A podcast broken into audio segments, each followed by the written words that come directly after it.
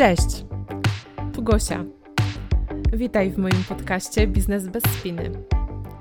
Jeśli chcesz budować swoją firmę wokół swojego życia, a nie życie wokół firmy, to ten podcast jest dla Ciebie. Znajdziesz tu sporo inspiracji ode mnie i moich gości. Zapraszam.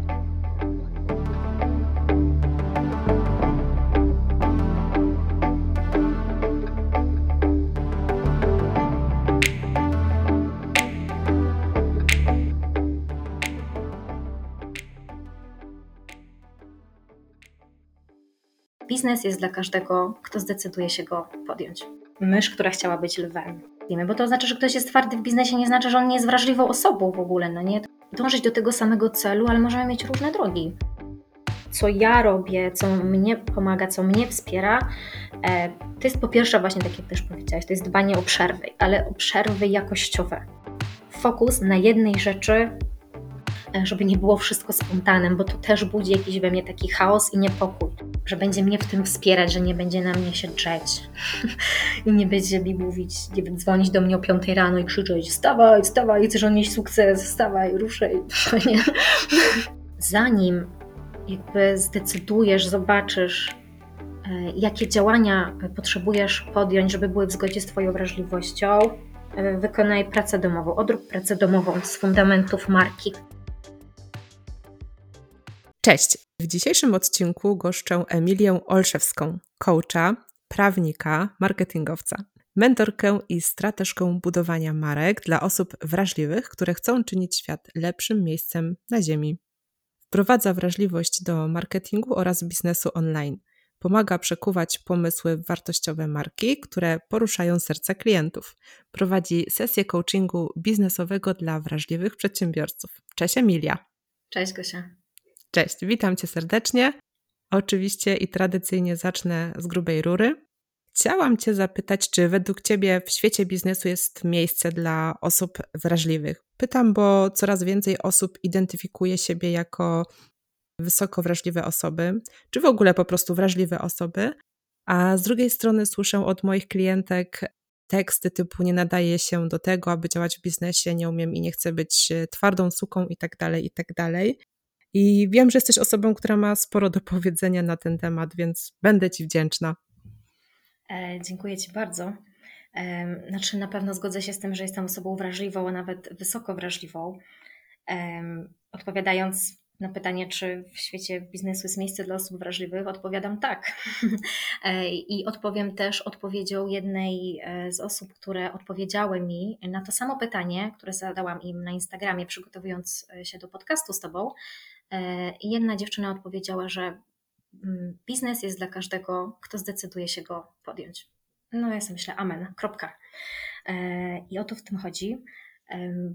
Jak mówisz też o tych osobach, które mm, porównują trochę to do bycia, nie wiem, że będą musiały być tą twardą suką, to ja bym się zastanowiła i najpierw e, zapytała, jakby, co to dla ciebie znaczy, że masz być tą twardą suką, co się za tym kryje, czego się obawiasz najbardziej, nie?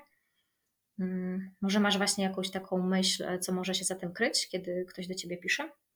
Mhm.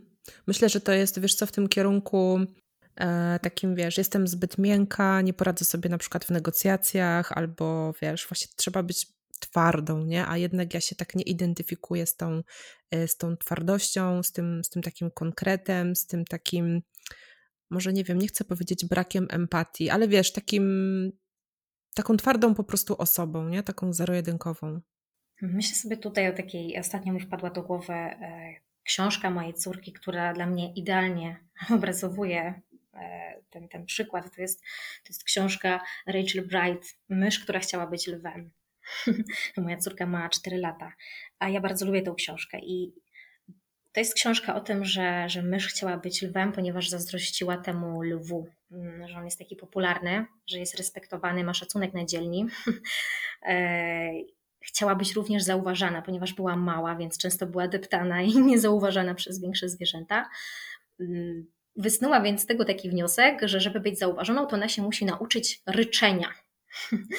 Poznać tajniki. Jak będzie umiała ryczeć jak lew, to będzie taka jak ona, będzie taka ważna, będzie zauważona.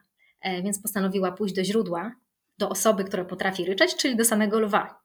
I okazuje się, że po spotkaniu z lwem, który po pierwsze się jej przestraszył bardzo, tej małej myszki, e, ona zauważyła coś istotnego, co wpłynęło oczywiście na dalsze jej myśl życia. To, że jest ważna, ponieważ lew ją słuchał, kiedy ona mówiła. E, oczywiście lew z myszą się zaprzyjaźnili i wniosek jest z, tego, z tej bajki jest taki, że, że te osoby wrażliwe, które um, obserwują te twarde osoby, nazwijmy, bo to znaczy, że ktoś jest twardy w biznesie, nie znaczy, że on nie jest wrażliwą osobą w ogóle, no nie? To nie możemy komuś zabierać e, takiego człowieczeństwa, bo na pewno są to w jakiś sposób wrażliwe osoby, ale te wysoko wrażliwe. Właśnie obserwują tych, tych rekinów biznesu, tych twardzieli, te lwy, jak z tej bajki i, i pewien sposób im zazdroszczą tego, że zarabiają, że są niezależni, że prowadzą swoje biznesy i one by też tak chciały. Ale one są miękkie i one teraz szukają mm, tego, żeby stać się tak jak oni, chcą się nauczyć ryczeć, może chcą się nauczyć być drapieżcami. I nagle, kiedy odpalają jakiś, e, powiedzmy, materiał, który ma ich tego nauczyć, to one zamykają, bo mówią, no kurka blady, to nie jest dla mnie. To nie są moje sposoby. Ja nie będę się z tym dobrze czuła. A chcę być w tym biznesie, chcę robić to, co robią te lwy, to, co robią te rekiny e, biznesu. To jest jakoś dla mnie ważne, ta niezależność, e, to zarabianie, mm, też pomaganie ludziom poprzez przez moje usługi, przez moje produkty.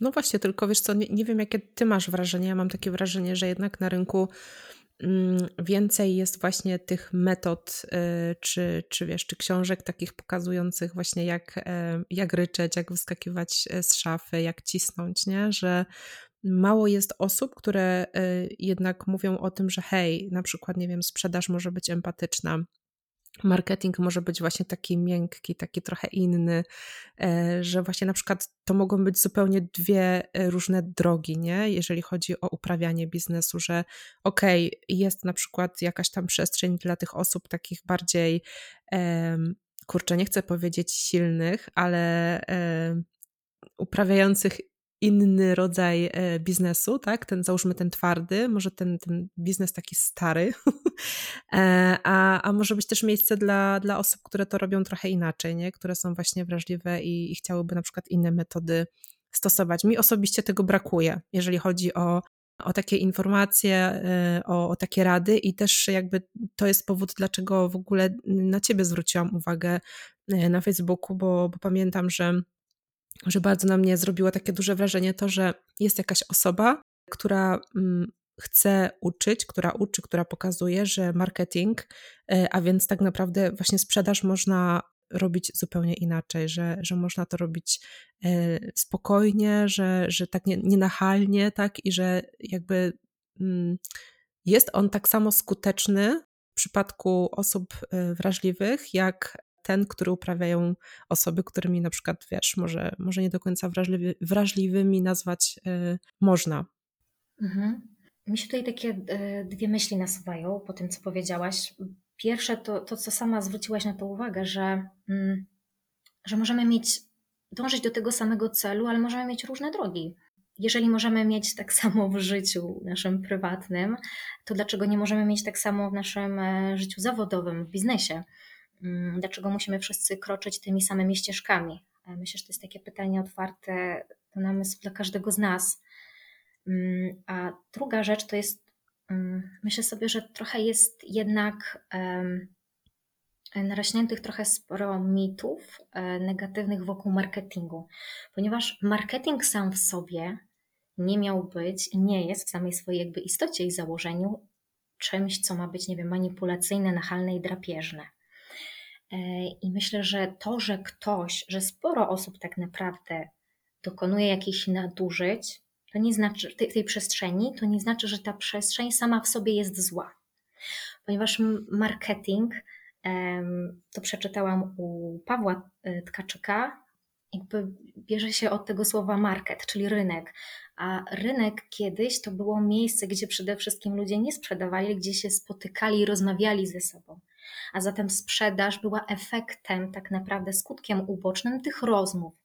Dlatego, jeżeli popatrzymy na marketing jako na rozmowę i miejsce spotkania, to mamy całkiem inny obraz i podejście do sprzedaży. I ja, jako osoba też e, wysoko wrażliwa, I to, jak też rozmawiam z osobami e, podobnymi do mnie, to widzę, że bardzo pomaga nazywanie tych terminów branżowych związanych z marketingiem czy sprzedażą bardziej metaforycznie, obrazowo, nawiązując do jakichś takich bardziej miękkich mhm. sytuacji, może życiowych, związanych z relacjami, z ludźmi, z naturą nawet.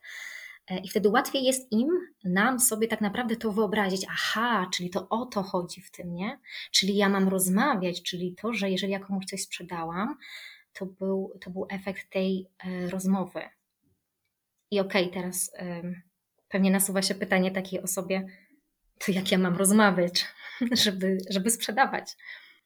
Właśnie. Takim drugim pytaniem, e, które właśnie chciałabym Ci zadać, jest właśnie, jak, jak tą sprzedaż e, uprawiać, nie? Jakby czego Ty uczysz w takim razie swoich klientów, czy czego Ty uczysz e, w ramach swojego biznesu, tak? Więc fajnie, fajnie się wbiłaś jakby z tym pytaniem. Ja sobie tu zrobiłam taką małą ściągę i wypisałam, że mi to nie um-, umknęło. Wypisałam sobie właśnie te, takie kroki, E, procesu sprzedażowego, ale zanim jakby gdzieś do nich przejdę, to, to znów chcę jednak wrócić do tej metafory, żebyśmy popatrzyli na sprzedaż jak na rozmowę, a raczej na, jako na efekt tej rozmowy, mm, w związku z czym cały proces sprzedażowy, żebyśmy popatrzyli jak na budowanie relacji z drugim człowiekiem. Mhm. Oczywiście tutaj z taką małą gwiazdką, e, ponieważ to bardziej jest inicjatywa większa z naszej strony, nie jest to typowa relacja, gdzie równomiernie inicjujemy kontakt e, i budujemy bliskość, ale bardziej tutaj wychodzi z naszej inicjatywy, e, z tym właśnie małym zastrzeżeniem. Jeżeli mm, popatrzymy właśnie na ten proces, jak na budowanie relacji, to po pierwsze będą cztery kroki, tak dobrze mówię, cztery kroki. Po pierwsze, wychylam się Czyli zaczynam od małych rzeczy, od tego, żeby siebie pokazać, że ja tu jestem, hej, nazywam się Emilia, pomagam w tym i w tym, robię to i tamto, cześć. Jakby nic. Nie, jakby cześć Emilia, jestem tym, tym i tym i kup ode mnie. Na razie się przedstawiam, wychylam się, tak jak poznaję nową osobę, to się przedstawiam, tak? O, cześć, ty jesteś Gosia, jestem Emilia, mm, nie wiem, gdzie pracujesz, czym się zajmujesz. Rozmawiamy sobie tak delikatnie mhm. delikatnie, z szacunkiem, żeby nie przekroczyć pewnej granicy. I jeżeli chodzi o nasz biznes, na takie działania biznesowe, to się przekłada e, na przykład na takie działania, że nie wiem, mm, że piszemy posty na Facebooku, tak o nas, bez, bez żadnych jakichś konkretnych sprzedaży, zaproszeń do jakichś tam, e, do jakichś, bez tworzenia jakby kampanii całej sprzedażowej, tylko opowiadanie o sobie, e, o tym, czym się zajmujemy, mm, też pytanie naszych odbiorców, zadawanie im pytań, tak? I kiedy to się zaczyna jakby już pogłębiać, to jesteśmy już tak naprawdę w drugim etapie naszego mm, budowania relacji, czyli poznawania siebie nawzajem. No i to jest ten moment właśnie na pogłębianie, pogłębianie relacji z naszymi odbiorcami. Opowiadanie nadal o sobie to się jakby nigdy nie kończy w budowaniu relacji. Cały czas potrzebujemy kogoś poznawać, tego, żeby być z nim w dialogu jakimś nieustannym, E, nie mówię codziennym, ale nieustannym, regularnym. E, jest to zadawanie pytań odbiorcom, przeprowadzanie z nimi jakichś krótkich ankiet, e, robienie tak zwanych no, wywiadów, pisanie też prywatnych wiadomości do naszych odbiorców. Cześć, fajnie, że jesteś na przykład na moim profilu. Powiedz mi, co, co Ciebie tu przyciągnęło, na przykład, z czym się obecnie teraz mierzysz. Mm, Czyli wchodzimy w ten taki etap poznawania siebie, nie po to, żeby komuś coś sprzedać, ale po to, żeby poznać naszych odbiorców i dowiedzieć się, kto jest tak naprawdę po tej drugiej stronie ekranu. W tym etapie też myślę, że warto pamiętać o tym, że na takich spotkaniach nie mówi się o wszystkim i nie daje się wszystkiego. To nie jest jeszcze czas e, na to, żeby opowiadać o swojej ofercie, ale żeby wykazać zainteresowanie żeby czymś usłużyć komuś, nie żeby, nie żeby sprzedać. Kiedy ten etap e, sobie przechodzimy, oczywiście jakby w biznesie to wszystko trwa krócej, no czasami komuś godzina wystarczy, żeby, żeby przez ten etap przejść i żeby przejść do etapu numer 3, czyli do oświadczeń. Mhm. no, kiedy wiemy prawda, i czujemy już jako odbiorcy, że, że to jest ta osoba, to, to chcemy jakby, żeby ona nam się oświadczyła, żeby ona powiedziała, w czym może nam pomóc, jaka jest jej oferta.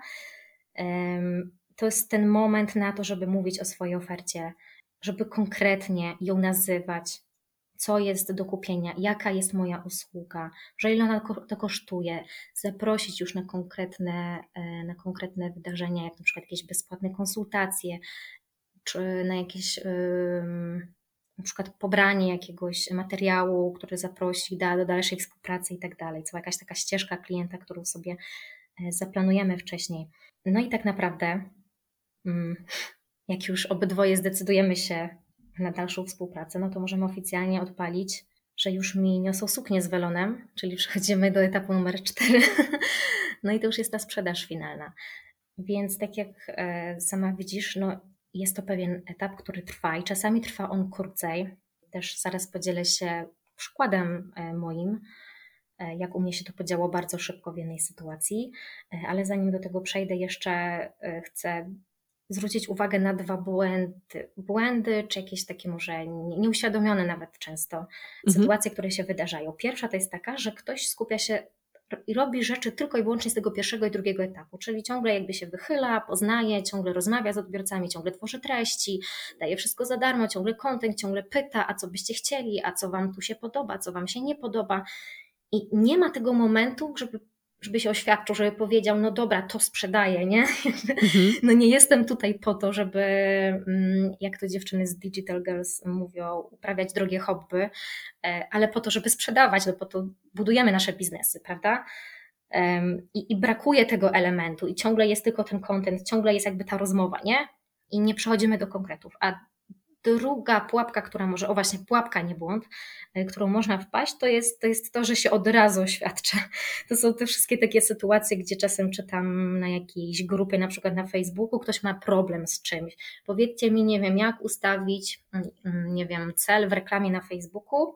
Ktoś ma jakiś problem, można można mu po prostu odpisać, pomóc mu rozwiązać problem, a, często ludzie piszą, z chęcią podpowiemy, zapraszamy do współpracy z naszą agencją, na przykład marketingową, tą i tą. No i to dla mnie to są już od razu te, te, e, te oświadczyny.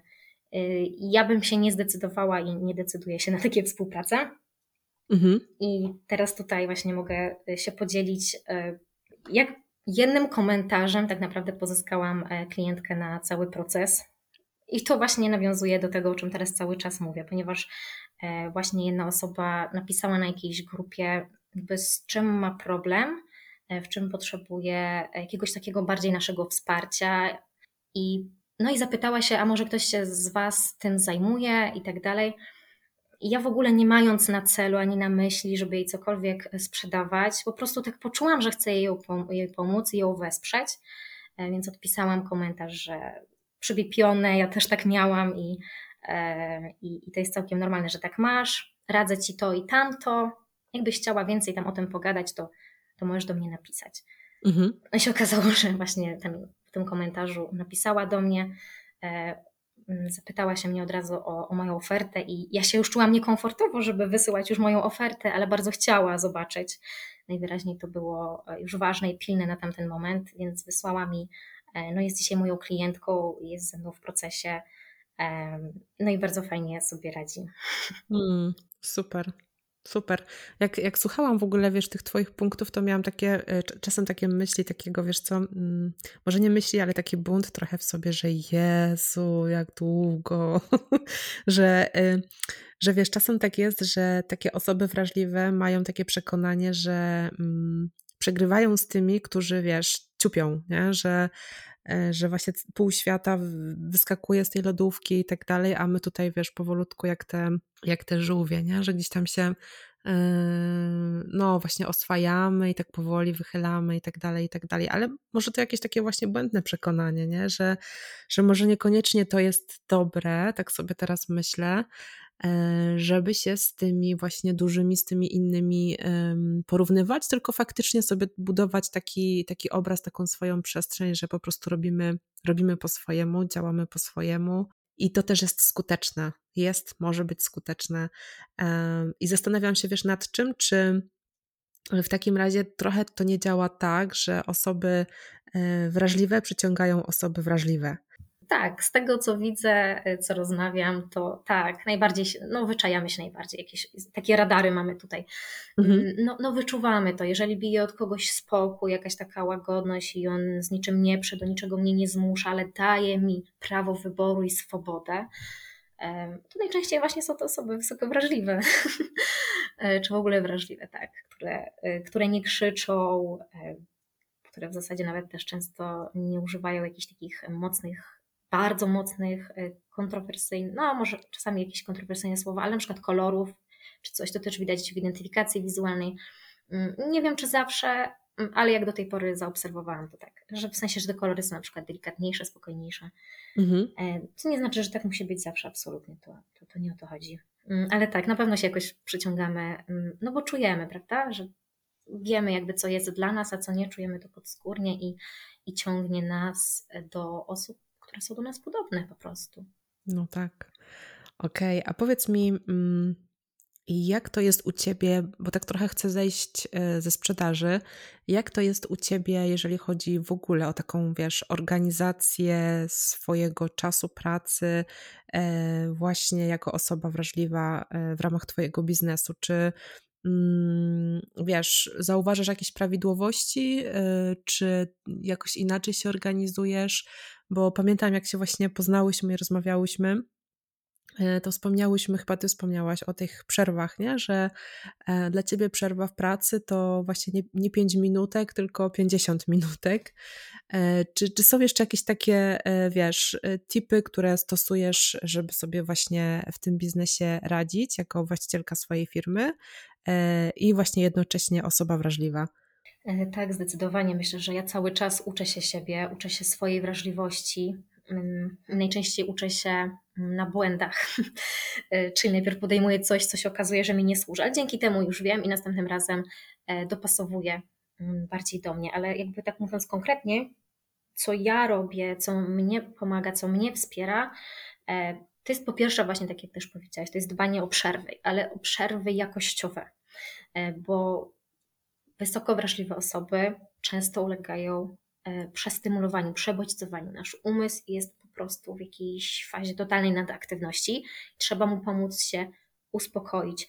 Mm, dlatego w takich przerwach e, ja na przykład słucham jakiejś muzyki wyciszającej, rozciągam się, mm, czy nie wiem, modlę się, czy medytuję, mm, robię jakiś automasaż, idę na drzemkę, nie wiem, odpalam sobie jakieś świeczki, czy aromaterapię, olejek lawendowy, mm, ale też y, pomaga mi y, wszelka aktywna twórczość, granie na, na pianinie, granie na pianinie, czy jakieś tam malowanie, jakaś taka ekspresja twórcza, bo to są, to są mm, zachowania, które pomagają nam wciszyć umysł, tak? Czyli oglądanie seriali albo czytanie książek, no to nie pomaga na przebodźcowane umysły, bo jednak potrzebujemy ten umysł zaangażować znowu i tak. znowu tak. on będzie wchodził, a my jako osoby wysoko wrażliwe będziemy przetwarzać głęboko, będziemy się utożsamiać z tymi bohaterami, będziemy to wszystko odczuwać, mm, będziemy e, analizować, głęboko przetwarzać wszystko, co się dzieje. Więc to są bodźce, które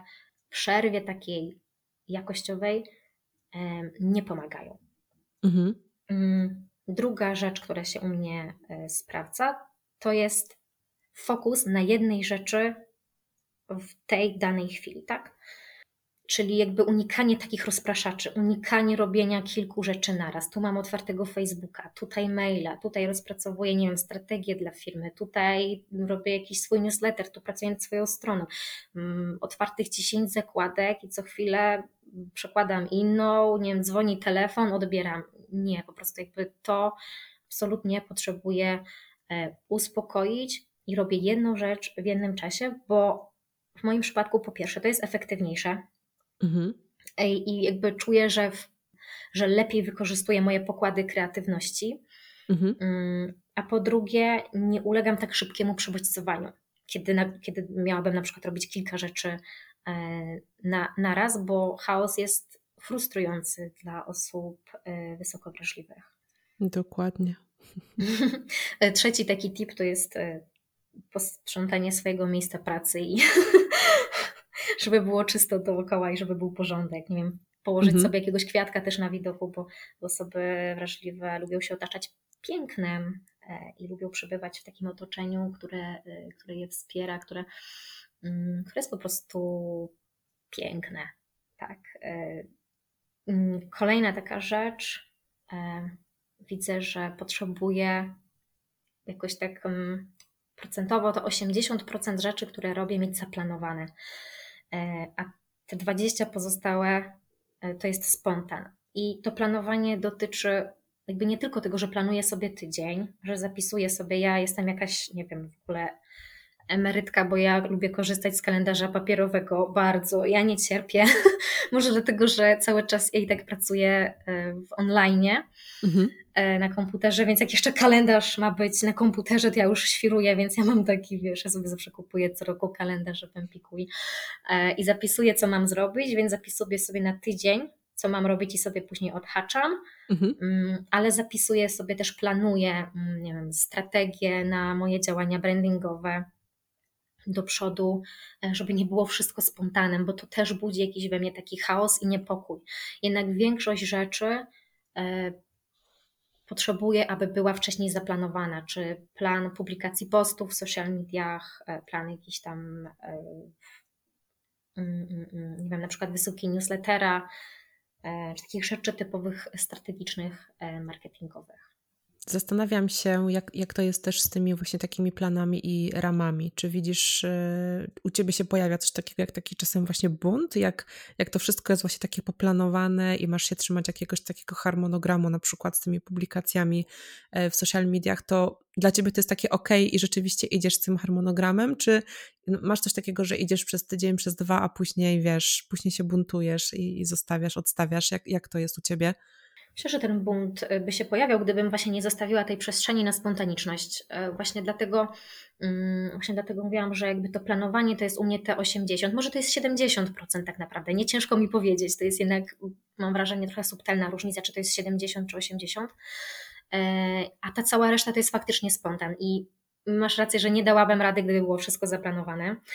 Od od kreski do kreski, od A do Z, y, bo bym zwariowała, że nie ma tam przestrzeni na jakąś spontaniczność. No, weźmy pod uwagę chociażby, nie wiem, e, takie narzędzia jak storiesy na Instagramie, no nie da się zaplanować tego, co, nie wiem, jutro nagram na tym, czy czasem da się, ale na storiesach najczęściej wrzucamy rzeczy, które dotyczą co się dzieje tu i teraz i czym chcemy się podzielić e, z naszą społecznością, więc to wymaga od nas pewnej spontaniczności. O, patrzcie właśnie, jaką książkę genialną oglądam na przykład w Empiku. ja wczoraj.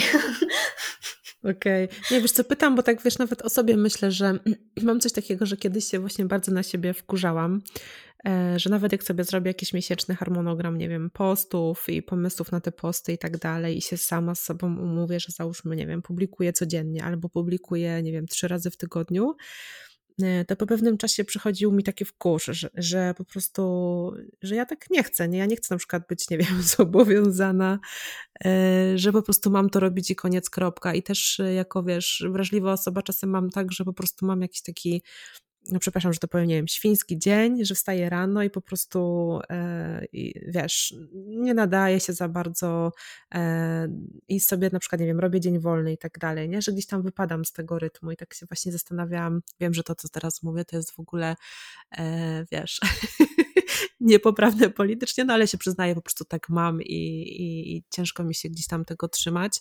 Kiedyś na to się wkurzałam, dzisiaj po prostu stwierdziłam, że dobra, skoro tak funkcjonuje, to tak funkcjonuje nie muszę przecież jakoś tak, nie wiem, nic mi za to nie grozi, że nie ma tej regularności i po prostu jak coś wrzucę, to wrzucę, jak nie wrzucę, to nie wrzucę, nie? Jakby to nie jest taka sprawa, wiesz, wagi państwowej, y, bo załóżmy, nie wiem, jak umawiam się z klientem, czy jakiś projekt realizuję, no to wiadomo, nie, to jest zupełnie co innego, ale właśnie w takich lekkich rzeczach typu właśnie social media, to widzę, że, że czasem właśnie mi takie, taki bunt mnie ogarnia, że, że nie, że po prostu nie chce się, y, nie chce się tak po prostu na sztywno ustawiać, nie? Że takie sztywne ramy, bo nie wiem, bo wypada, bo, bo nie wiem, bo co na to boty powiedzą i nie będą łaziły po moich profilach i nie będą mnie indeksowały, że jestem jakimś tam profilem wartym uwagi i tak dalej, to takie mam taki wkurz, wkurz na to i dlatego też y, to moje pytanie. Mm, no ja myślę, że e, że właśnie takie osoby wrażliwe to często mają wkurz na boty. w ogóle ja to cały czas myślę, jak teraz pracuję nad swoją stroną www, a później sobie myślę, jak pozycjonować. Nie będę jej pozycjonować. Gdzieś mam algorytmy. Nie? Po prostu jest taki bunt na te algorytmy, na te boty, na, na to wszystko, co jest takie mechaniczne. Nie? Mm, I jakby całkowicie Ciebie rozumiem. Uważam, że no, u jednej osoby sprawdzi się to, że ona potrzebuje mieć więcej rzeczy zaplanowanych, u drugiej się sprawdzi to, że ona potrzebuje mieć więcej rzeczy e, bardziej spontanicznych wszystko jest ok, dopóki my jesteśmy zadowolone z rezultatów, jakie osiągamy. No to prawda.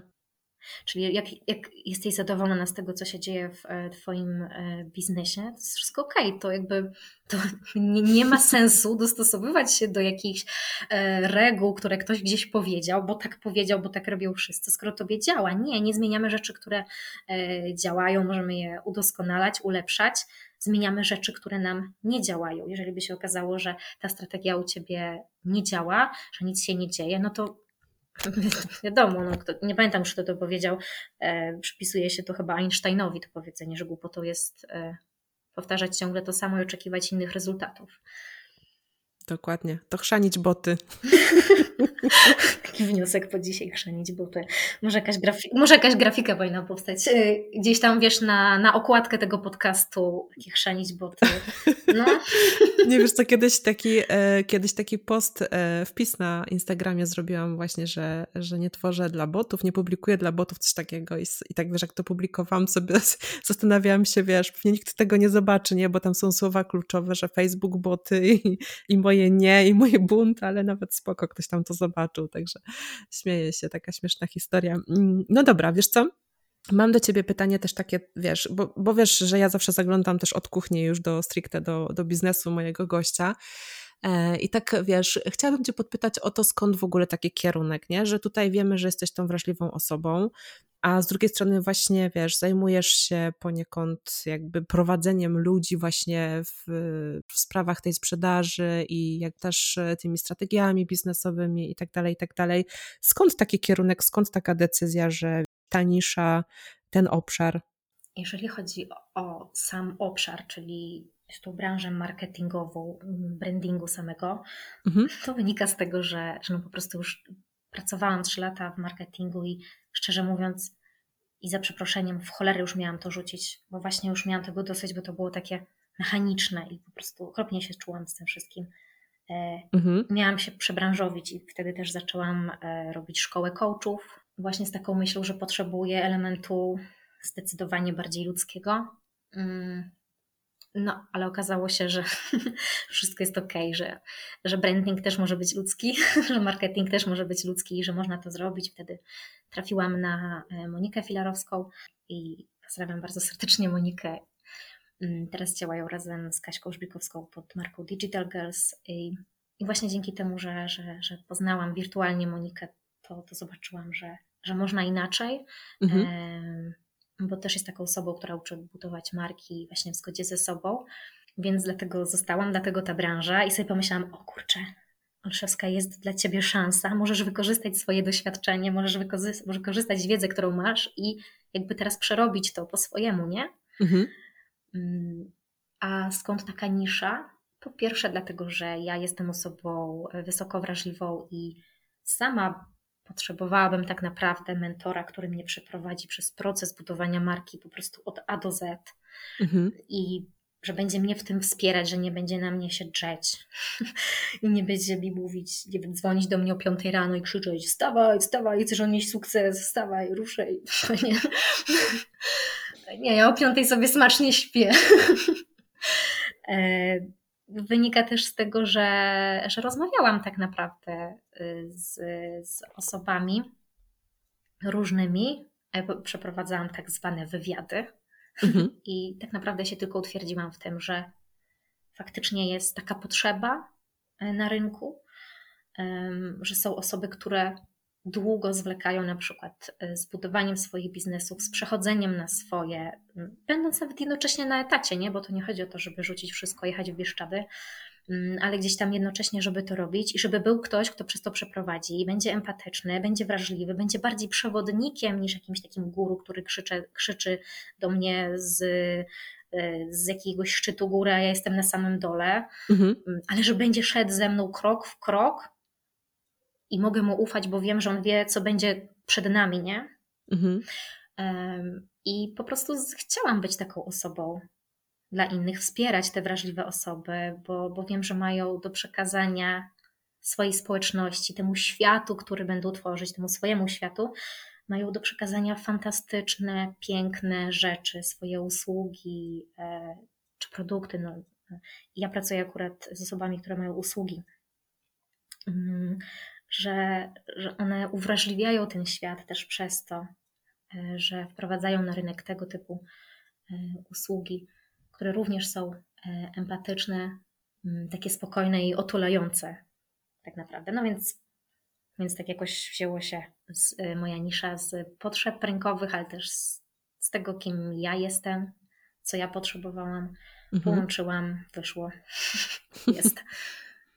Okej, okay. a jak, jak Ci się udaje w ogóle łączyć życie prywatne i zawodowe?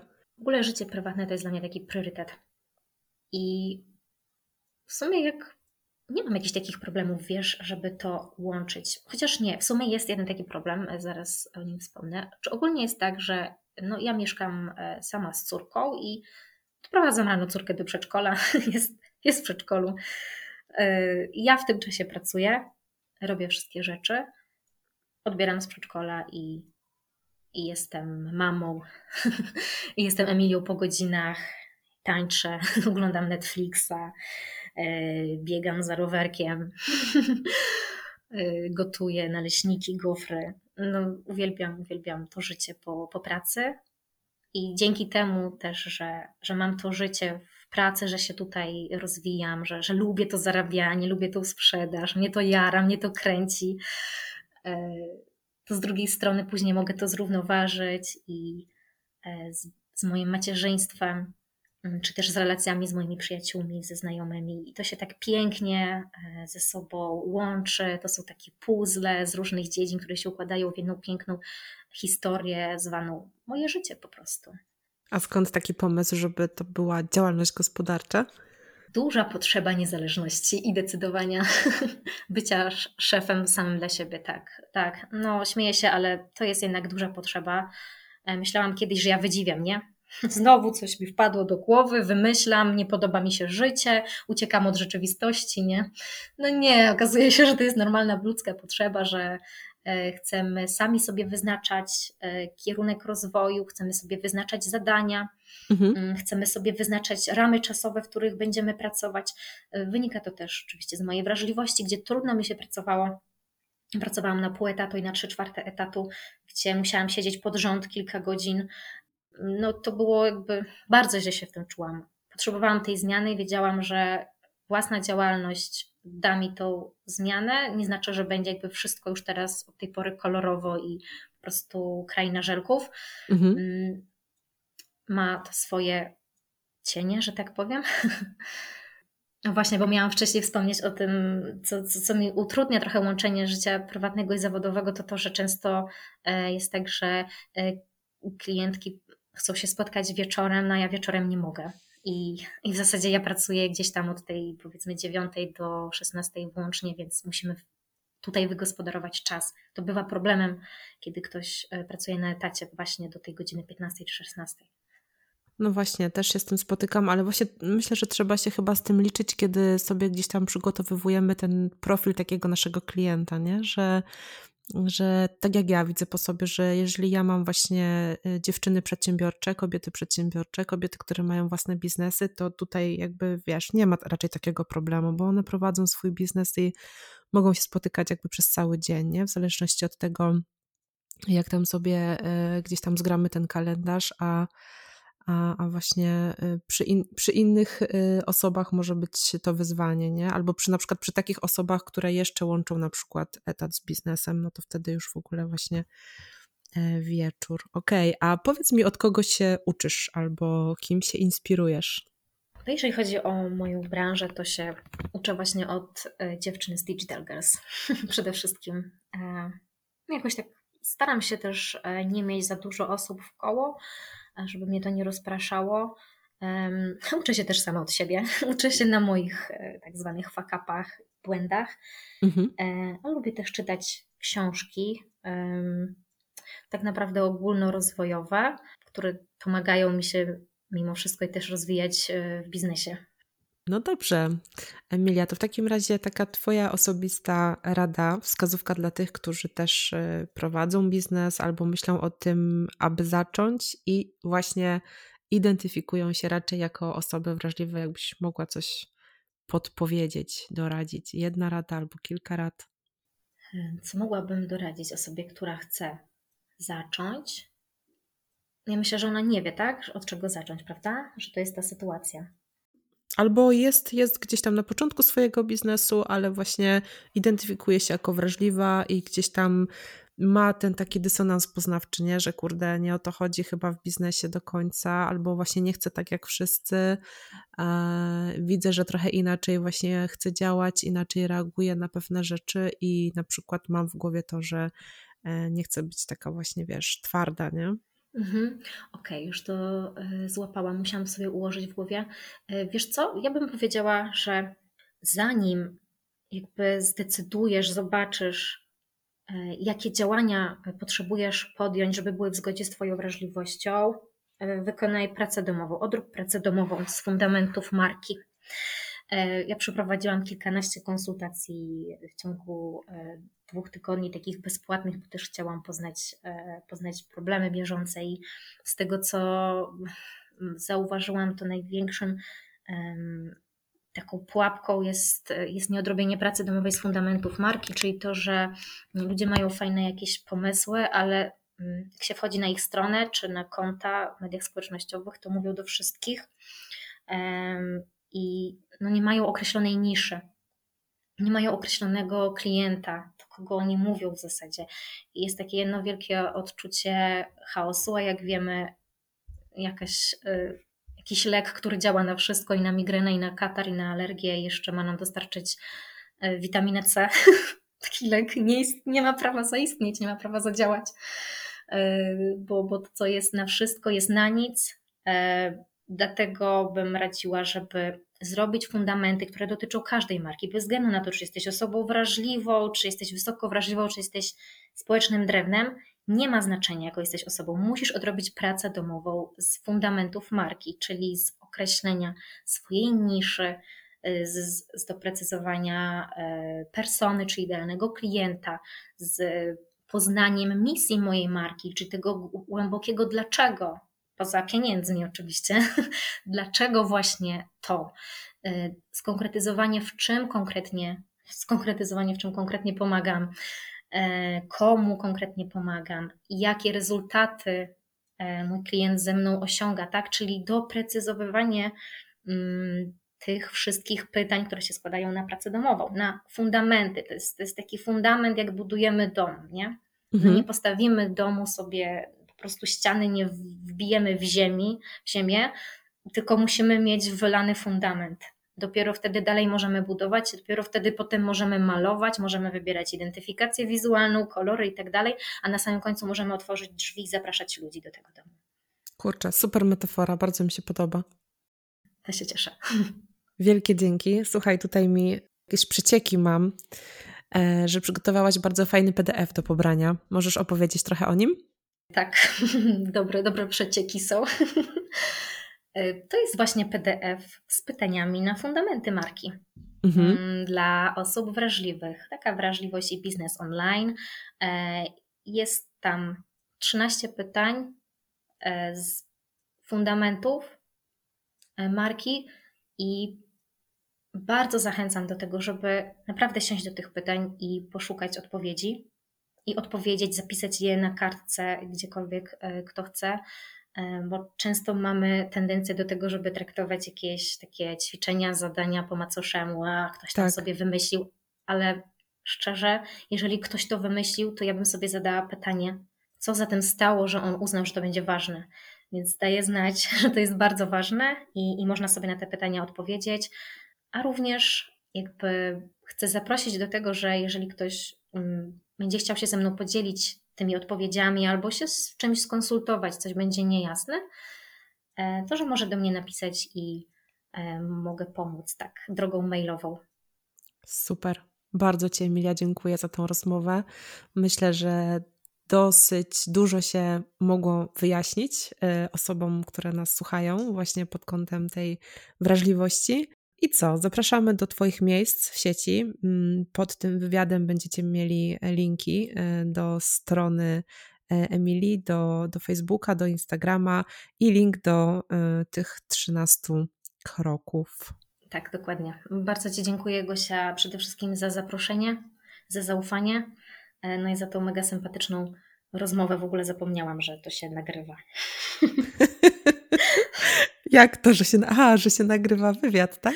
Tak, że, że to będzie że, nagrywane okay. i będzie jeszcze e, rozpowszechniane, więc, okay. więc stwarzasz taką atmosferę e, bezpieczeństwa e, i, i też no, takiej spotkania z kumpelą przy kawie.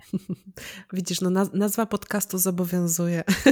Widzisz, wszystko jest Dzięki. spójne. Dzięki Dziękuję wielkie. Ci bardzo.